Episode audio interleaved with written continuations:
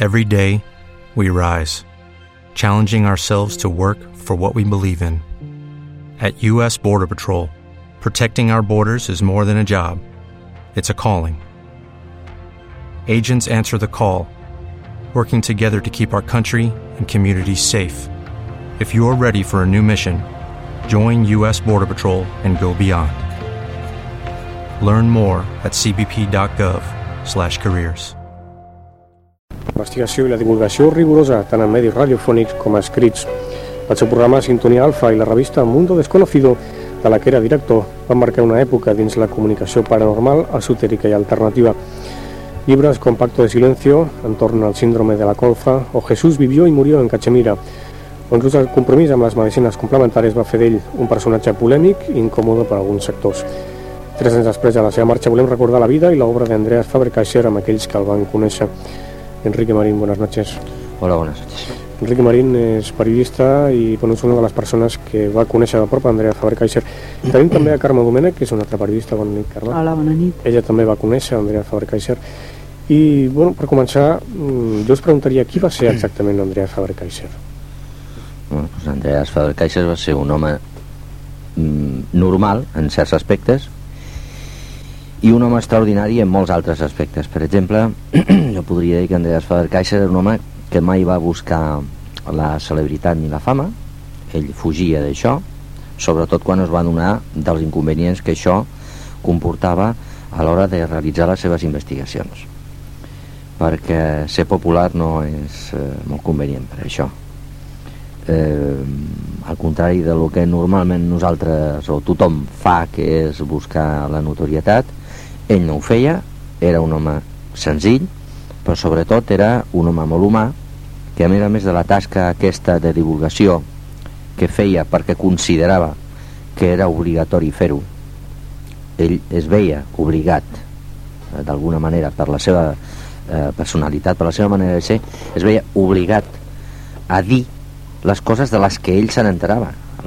Les investigacions que ell feia l'obligaven després a explicar coses perquè la gent despertés que era al cap i a la fi l'única intenció de la seva tasca divulgatòria Vols dir que no es callava res?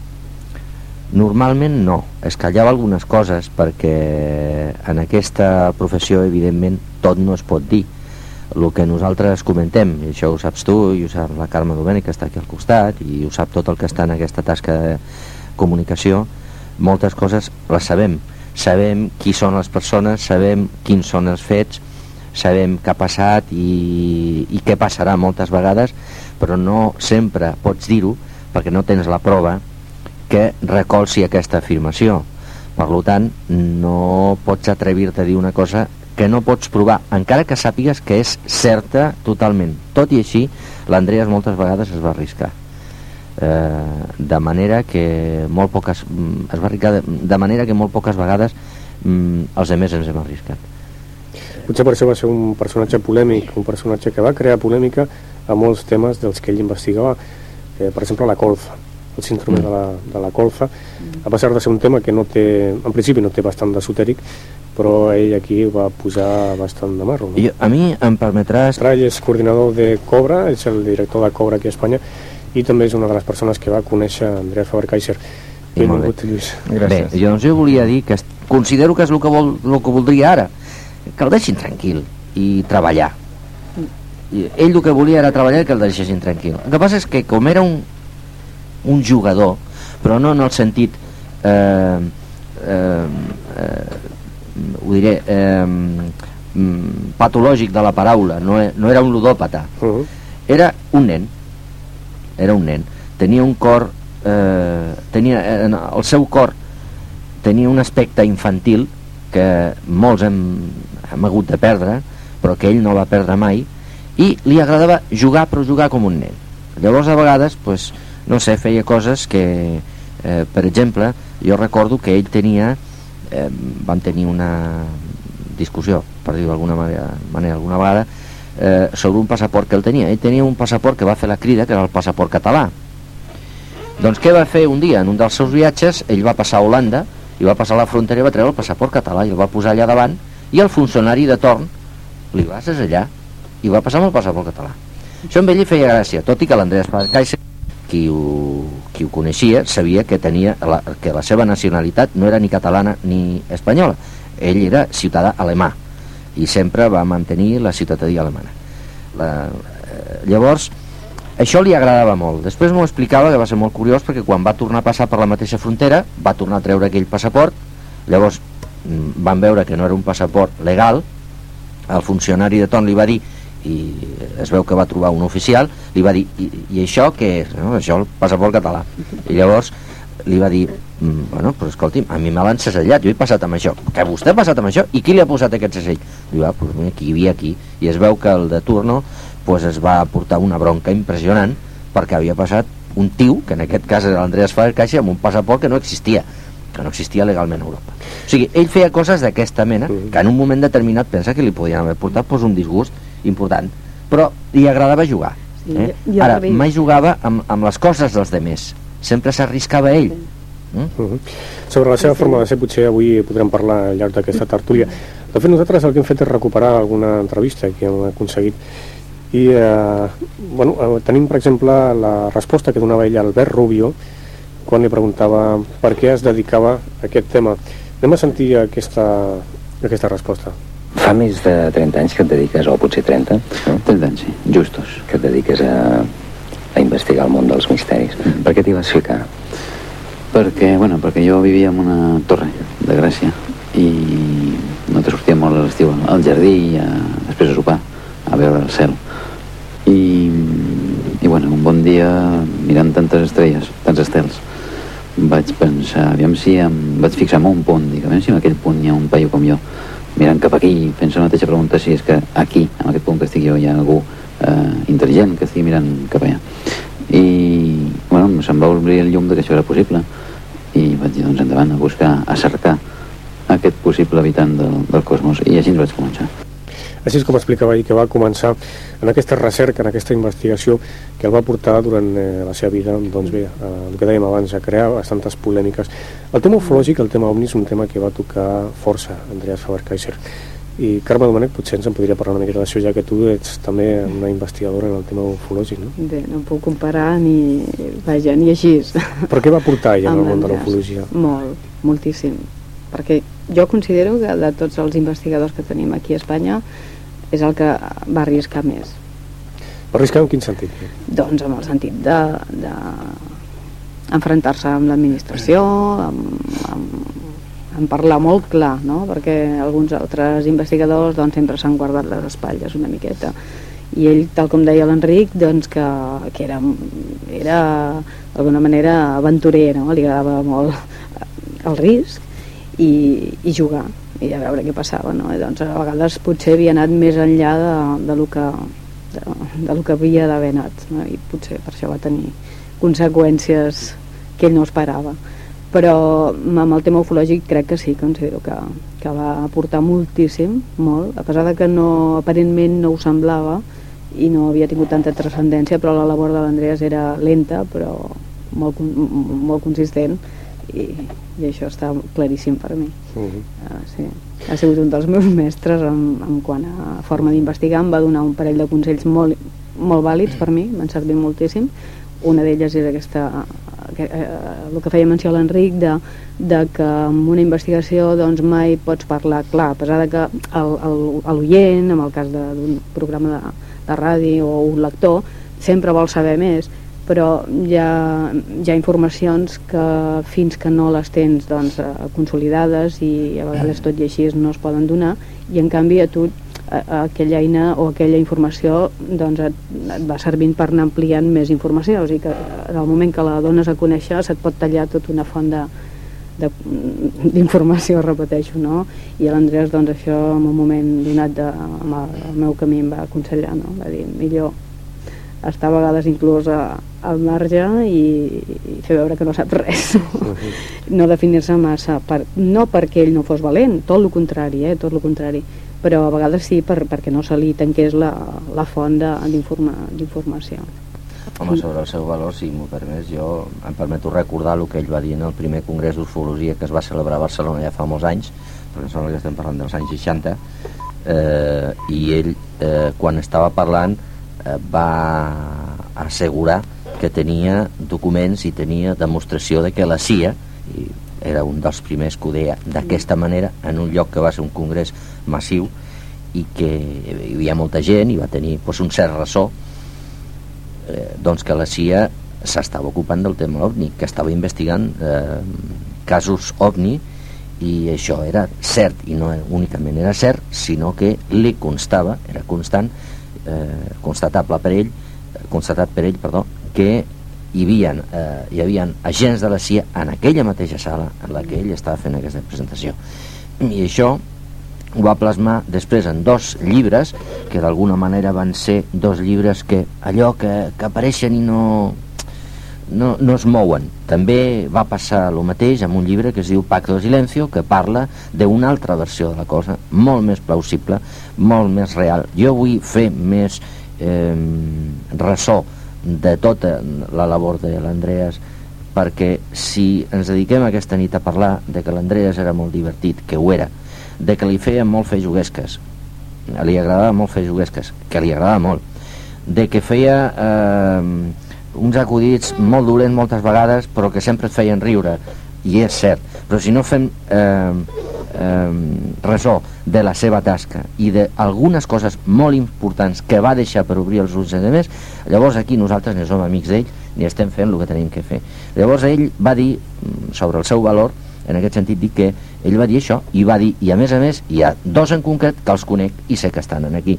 I no diré qui són naturalment llavors, eh, ell, bueno, no, no ho va dir així exactament va dir, hay por lo menos dos por lo menos que yo sepa dos en esta misma sala agentes de la CIA que están eh, pendientes de lo que nosotros vamos a decir hoy aquí. I això ho va reflexar en dos llibres que són eh, va fer tres, no, no, perdó, va fer tres llibres, un és inèdit, Abro d'ufologia, un està inèdit, no es va arribar a editar, i el primer era CIA, documentos secretos, eh, i l'altre era CIA... L'arxiu de la CIA, no? L'arxiu de la CIA, sí, bueno, eh, aquest és un eh, i Documentos i Memoràndums, que és el segon llibre d'aquesta eh, trilogia que es va quedar en dos llibres. Eh? Dos llibres que, bueno, suposo que no es poden trobar ja. Uh. Sí, m'agradaria que en Lluís també sí, en Lluís també ens podrà parlar ens perquè, de fet, Andrea Faber-Kaiser, el tema de les medicines alternatives i complementàries també va ser un gran defensor de tots aquests temes.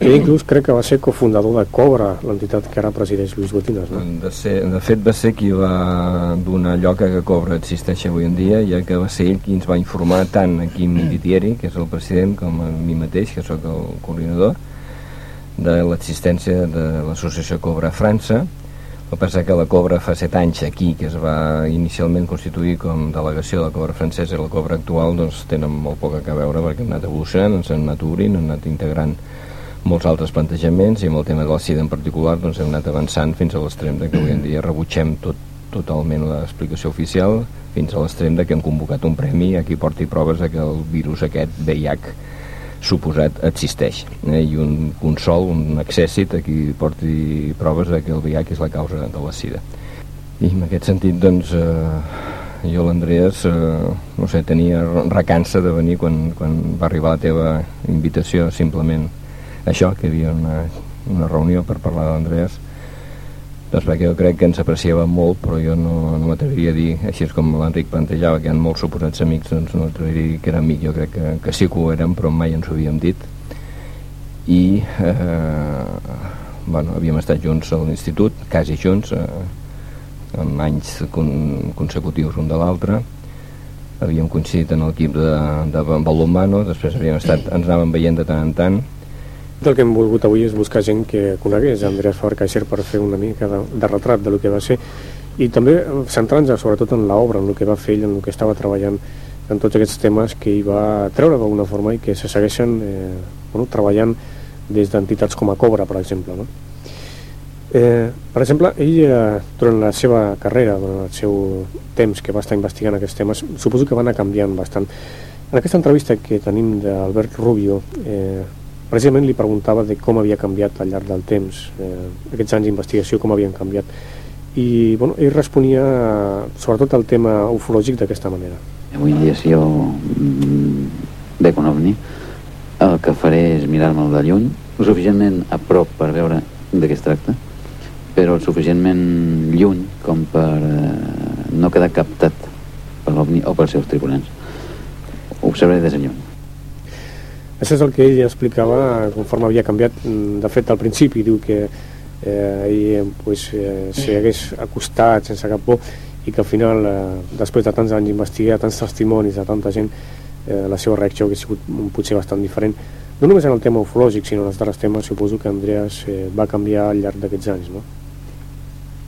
Jo crec que sí, molt bé, ell mateix ho diu no, en l'entrevista i crec que com tota persona que busca pues, va, va madurant i, i evidentment va canviant no, no de- d'idea no i no d'objectiu perquè la seva recerca sempre va estar viva però clar, es van veient les coses des d'un altre punt de vista. I a més quanta més informació tens i ell en tenia moltíssima doncs clar, tens molts més elements per valorar un, un tema. Jo crec que recordar que en aquesta mateixa entrevista se li feia la pregunta de si realment ell creia que existien eh, seres extraterrestres Mm. i em sembla que deia que sí, Sí, que sí, ell ell tenia estava convençut, eh? l'evidència de que sí, de que almenys eh, tants testimonis no podien mentir. No?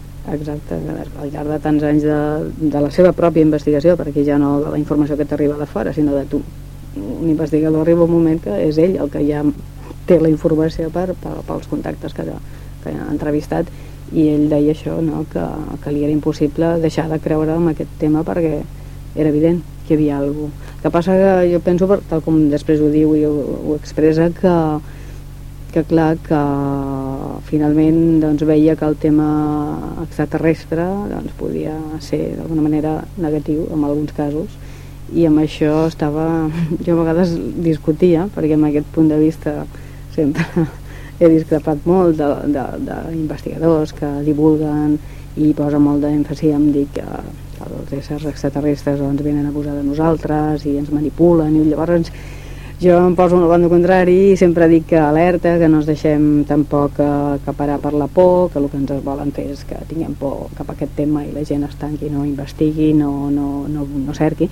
Aleshores, ai, perdó, l'Andreas, l'Andreu, com es deia al final, l'últim any es feia d'Andreu, li agradava molt, i jo em trucava i em deia, soc l'Andreu, i em sempre em deixava tallar perquè, clar, no l'assimilava, no? De repente, si la veu no la coneixia, però i, i doncs ell els últims temps doncs sí, jo penso que estava molt, molt capficat amb, amb aquests éssers mm, d'alguna manera negatius que, que, que tenien alguna estratègia envers els humans i, i discutia molt amb ell sobre això no? Jo li deia, doncs bueno, no ti, pues pensa en els positius pensa en els bons que també hi són i, i així doncs bé, vull dir, no sé, tot investigador hem de tenir en compte, eh, ho hem de tenir en compte tot, això és evident i sobretot doncs, si realment tens una informació que, que, que et recolza que això és possible doncs també s'ha de dir no?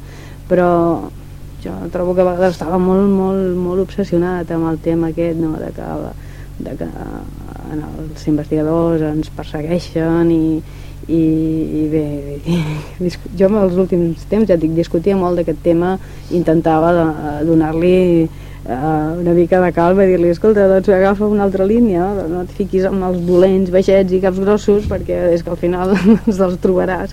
Clar, vull dir que però bé, era, era molt divertit. Jo és que no puc explicar anècdotes, n'hi ha moltes La perquè... seva, la seva hipòtesi, de tota manera, Mm. eh, de la utilització de les, dels éssers humans eh, pels extraterrestres partia de la seva idea de que nosaltres som producte Sí. dels extraterrestres. sí, sí, ell estava... nosaltres som el producte d'això. Ell va estudiar molt, per exemple, totes les tradicions. Totes les tradicions. Hi ha un llibre mm, molt interessant sobre Ponape, per exemple, per, per exemple no? la illa de Pompei o Ponape, que està al Pacífic. Bé, doncs, en aquella illa, a part d'algunes coses que va trobar eh, que els japonesos van investigar i que no estan reflexades en el llibre, precisament per prudència, entre altres coses, doncs eh, ell eh, feia sempre que anava a qualsevol lloc perquè una altra cosa és que ell hi anava als llocs a investigar, que és com s'ha de fer que sempre ho he dit i eh, ho torno a dir i aprofito per dir-ho. Eh, va investigar exhaustivament les llegendes del lloc. Ell eh, sempre feia eh, un recull de les tradicions dels llocs a on anava. I això és molt important perquè et diu com està conformada la societat del lloc on estàs i per què. Una mica a través de les seves llegendes. I al cap i a la fi, el que l'Andrés estava fent és el que tots els que estem en, en aquest diguem món de la divulgació científica si se li vol dir així, o de fenòmens estranys o de, o de fets estranys, que ens ho prenem d'una manera una mica seriosa fem, que és antropologia. El que passa és que és un tipus d'antropologia amb una ment molt més oberta. Si alguna vegada algun amic, per exemple, el que potser eh, seria el que a més mm, eh, podria portar el títol d'amic, que seria el Miquel Amat, que em permeto anomenar, que sé que si se'l cridés no vindria, evidentment, i que va estar amb ell des del col·legi i que quan l'Andreas ja eh, la, la seva salut doncs, ja minvava, doncs, el va tenir casa, etc etc. Eh, ella, que havia anat amb ell a Ponape, a Pompei, a, i que va viure moltes coses amb ell, va dir, carai, tu t'has llegit el llibre? I va dir, pues jo sí me l'he llegit i m'ha agradat molt. I t'ha agradat a sobre? Home, sí, m'ha agradat molt. Ostres, nano, no hi ha qui llegeixi això. I, I ell havia anat amb ell, no? I s'ho havia passat molt bé i ho havia viscut i era molt interessant el tema. Per què? Perquè en aquest sentit sí que és veritat que era molt alemany l'Andreas. L'aport que ell feia, l'aportació de documentació, de proves, de, de, de eh, tradicions que va fer en aquell llibre era tan exhaustiu jo li vaig dir, Andreas, és veritat, però vamos, a mi m'ha agradat molt, però reconec que hi ha molta documentació, és documents que proven que el que diu és veritat i tal, i és veritat, és com s'han de fer les coses. Diu, sí, Enric, diu, però si tu sapiguessis tota la que m'he deixat en el tintero, diu, perquè és que només em sortien que documents. Era la seva manera de treballar, i això ho feia sempre, eh? fins i tot en els seus programes, això es notava molt. Es notava molt perquè eh, quan, quan l'Andrea s'obria la boca, ja podies dir que el que estava dient era cert. I quan, era, i, perdó, I quan era una opinió seva ho deia. Era un investigador de camp, un investigador compromès amb els mm. temes, que realment anava fins al fons.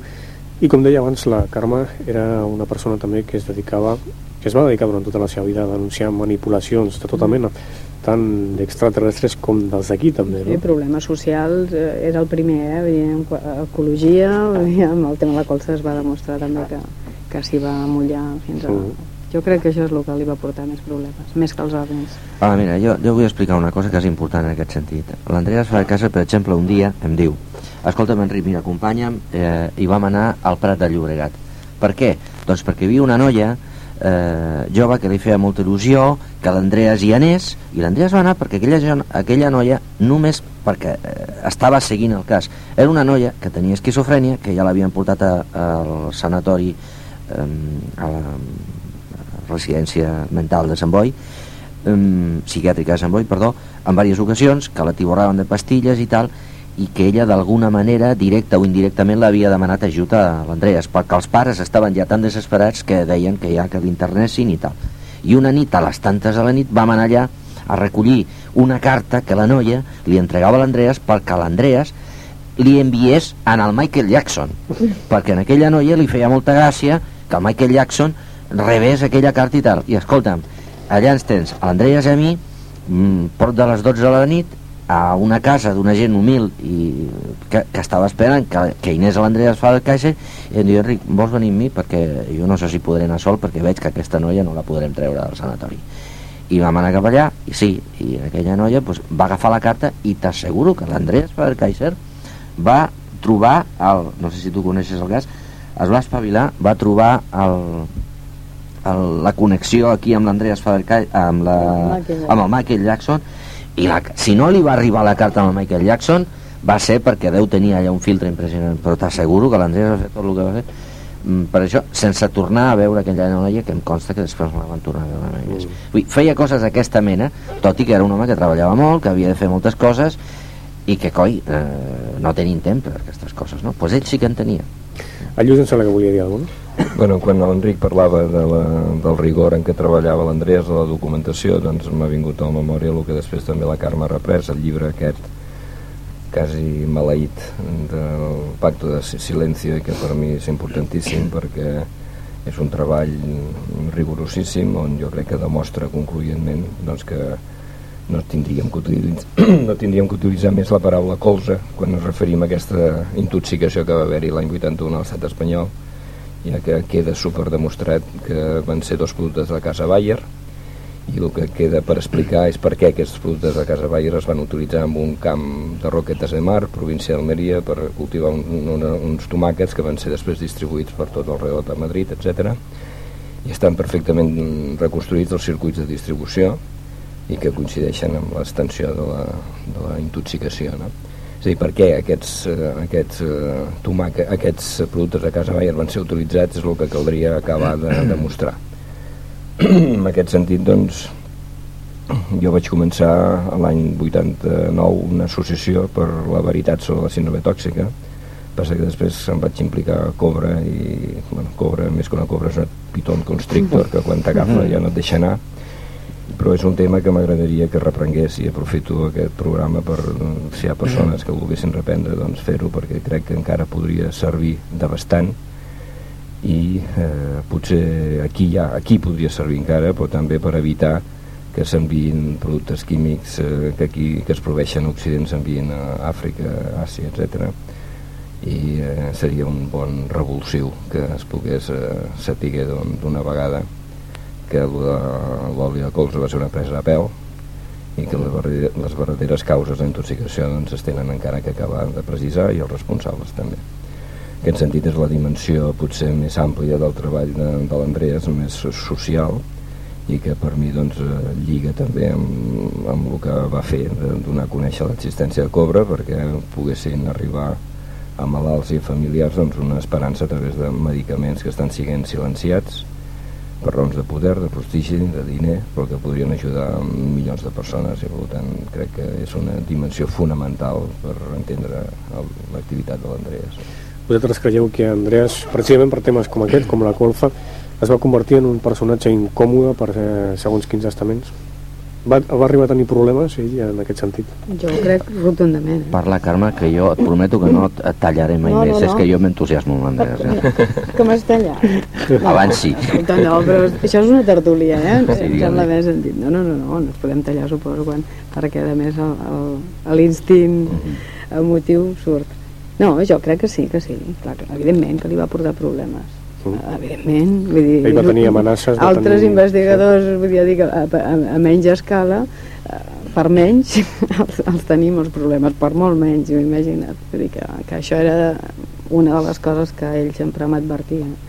Si et vols ficar en aquests temes, vés alerta. O sigui, mm, procura estar sempre doncs, molt, molt alerta, protegir-te, eh, psíquicament perquè no solament pot ser atacat físicament sinó psíquicament que aquest també és un, una de les armes perilloses que ell investigava als seus darrers temps.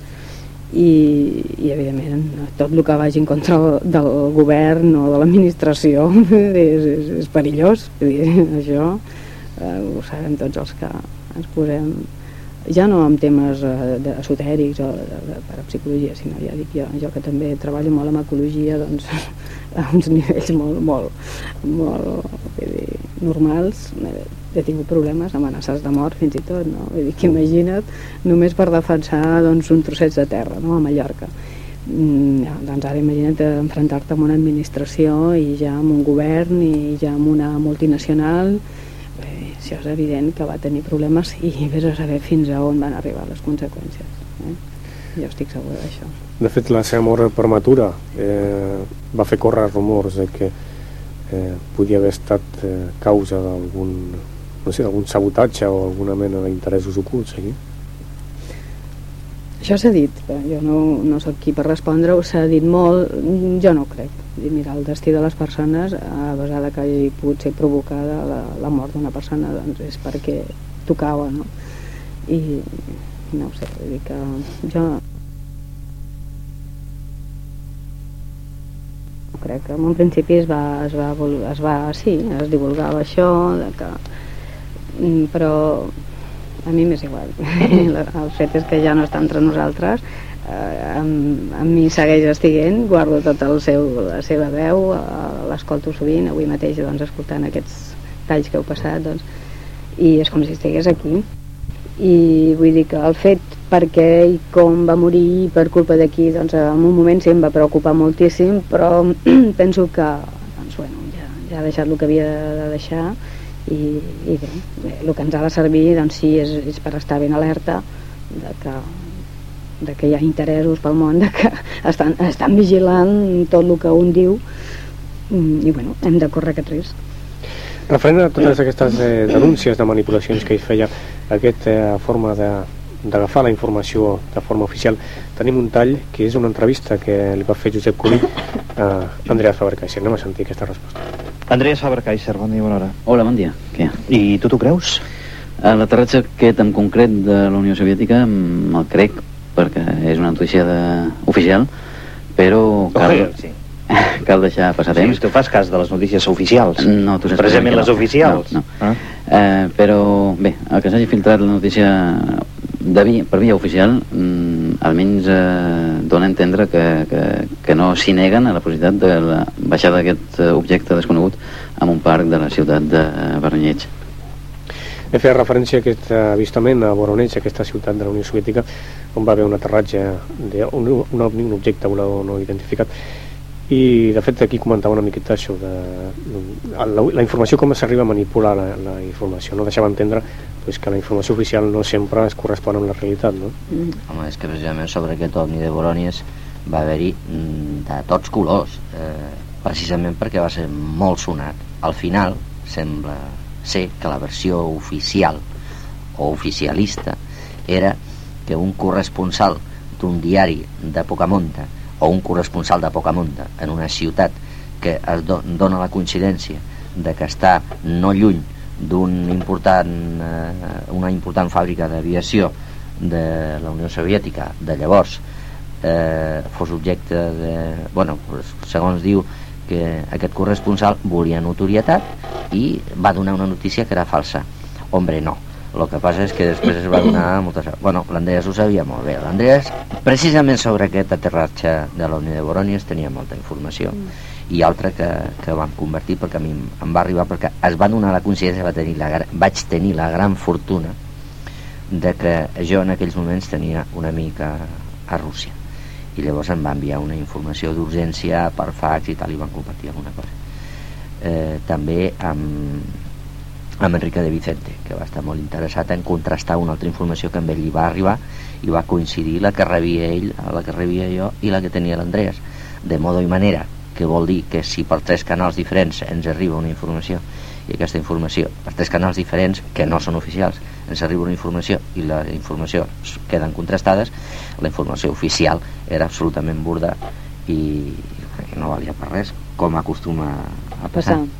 Sí, doncs com un exemple molt actual de la distància que hi ha entre l'oficial i lo real doncs està el tema de la sida justament on es continua repetint una explicació oficial que culpa d'aquest invent anomenat SIDA un suposat virus que resulta que no, anomenat VIH i que resulta que no hi ha cap prova que existeixi, no hi ha cap prova que sigui capaç de matar cap cèl·lula, no hi ha cap prova que sigui la causa de la SIDA, els tests són una xapussa total i tindrien que ser prohibits immediatament perquè el dia que es deixi de fer la gent test s'haurà acabat la SIDA, perquè tot el drama de la SIDA quan comença quan algú té la desgràcia de donar positiu amb un test que és una ru- ruleta russa eh, que pot donar positiu a la persona més sana i més santa del món i pot donar negatiu a la persona més deteriorada i, i, i drogada del món i eh, a sobre doncs, eh, estan aplicant uns medicaments que són uns, uns venenos incompatibles en la vida a mig termini i resulta que aquesta la realitat, la versió oficial que hi ha sobre la sida, quan en realitat, com dic, no hi ha cap prova d'aquest virus existeixi, etc etc. No?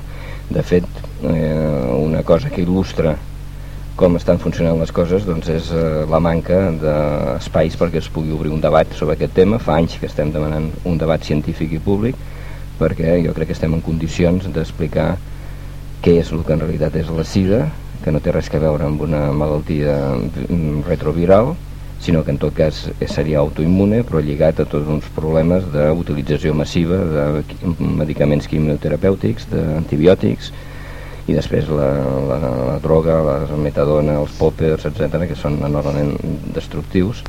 I eh, ja pautant amb aquest enfocament totalment diferent hi ha també tractaments eficaços i no agressius i supereconòmics a més o molt més econòmics com a mínim que els oficials i resulta que tot això està sent silenciat i es continua parlant d'epidèmia, pandèmia, holocausto es continua posant la por a la gent parlant de transmissió heterosexual quan el propi doctor Montanyer amb un reportatge que tenia que emetre la 2 de televisió espanyola i que va ser censurat per pressió dels dels especialistes espanyols eh, oficials sobre la sida, el propi doctor Montañer, en aquest reportatge, explicava que la transmissió heterosexual a Europa no s'ha confirmat i que, per tant, aquesta por és una por absolutament interessada que forma part, entre altres coses, de, de la component de terror psicològic de masses, que és un dels punts fonamentals que està darrere de la invenció d'això anomenat SIDA. No? I Andreas precisament es dedicava a denunciar totes aquestes manipulacions a les que ens veiem sumesos. Ell... Sí, una cosa, perdona, molt important. Ell ho feia perquè no tornés a passar.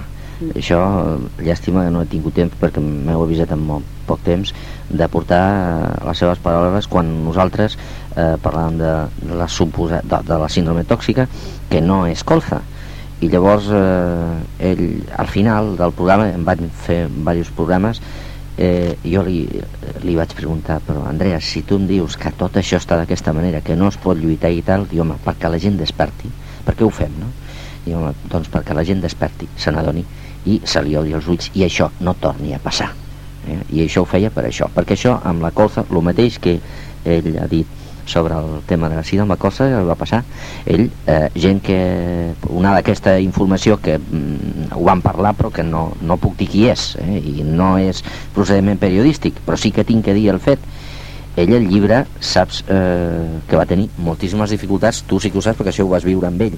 Això mm, abans ho diria millor el Lluís, el Lluís que jo però veig que no queda gaire temps eh, ell va tenir greus problemes per editar el llibre. Gent que li va dir, gent molt professional, amb editorials molt potents, que quan van veure això van dir, ostres, això és una bomba, que bo! Passaven els mesos i el llibre no sortia. I al final li acabaven dient, tinc ordres de dalt, aquest un concret que el Lluís se'n recordarà, i jo també, però no ho podem dir perquè és un grup editorial molt potent, li va dir, eh, tinc ordres directes de dalt de que això no es pot editar i llavors ho va editar una, com es diu, companyia espanyola de les letres va, no va ser un nom que es va improvisar per poder-lo per poder editar. moment i que, que jo sàpiga no té cap més títol. No, no, res, no, no en tret res més. Això, en quan això, i després també li passava que gent que tenia programes a Televisió Espanyola, TV3 o tot això li deien escolta Andrés, és que això no, jo no ho puc tocar no ho puc tocar, no ho puc tocar. I qui feia el programa? Doncs pues mira, eh, uns quants. Aventurers. Fèiem alguna cosa, uns quants aventurers. Jo m'agradaria dir que les últimes paraules que vaig tenir la sort de, de sentir d'ell 20 dies abans, més o menys aproximadament, de que ens deixés, doncs va ser de donar-me ànims i que no tingués que no havíem de tenir por ni ell ni ell s'incluïen tots eh, els investigadors el bloc d'investigadors em deia, no hem de tenir por, hem de seguir endavant i si hi ha algú denunciable s'ha de denunciar i això ho transmeto a tots els oients que no ens ha de fer por ni l'administració, ni els governs, ni res. Doncs ara estem en un moment que és, crec, molt oportú per, perquè ens escoltin, i encara que estem en una mira de ràdio, però no em refereixo a això. El món ha de canviar i ens ho hem de fer entre tots, vull dir que, que malauradament l'Andreas ja no hi és, i hi ha molt poques persones atrevides, però que hem de ser forts i valents això és el que ens ha de destacar aquesta vida. Doncs bé, esperem que aquest esprit d'Andreas Faber-Kaiser, el que hem estat avui dedicant a aquesta tertúlia, segueixi entre nosaltres durant molt temps, aquest esprit de lluita, aquest esprit de denúncia i sobretot d'independència que el caracteritzava. Gràcies a tots vosaltres per haver estat amb nosaltres. Únicament un, un últim salut, eh, salutació a l'obra més important d'Andreas, que són els seus fills, Mònica i Sergi. Des d'aquí al servei. Gràcies a tots, bona nit. Acció desconeguda.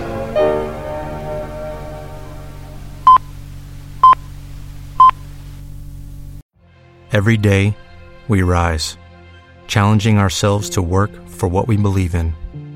At U.S. Border Patrol, protecting our borders is more than a job, it's a calling. Agents answer the call, working together to keep our country and communities safe. If you're ready for a new mission, Join U.S. Border Patrol and go beyond. Learn more at cbp.gov/careers.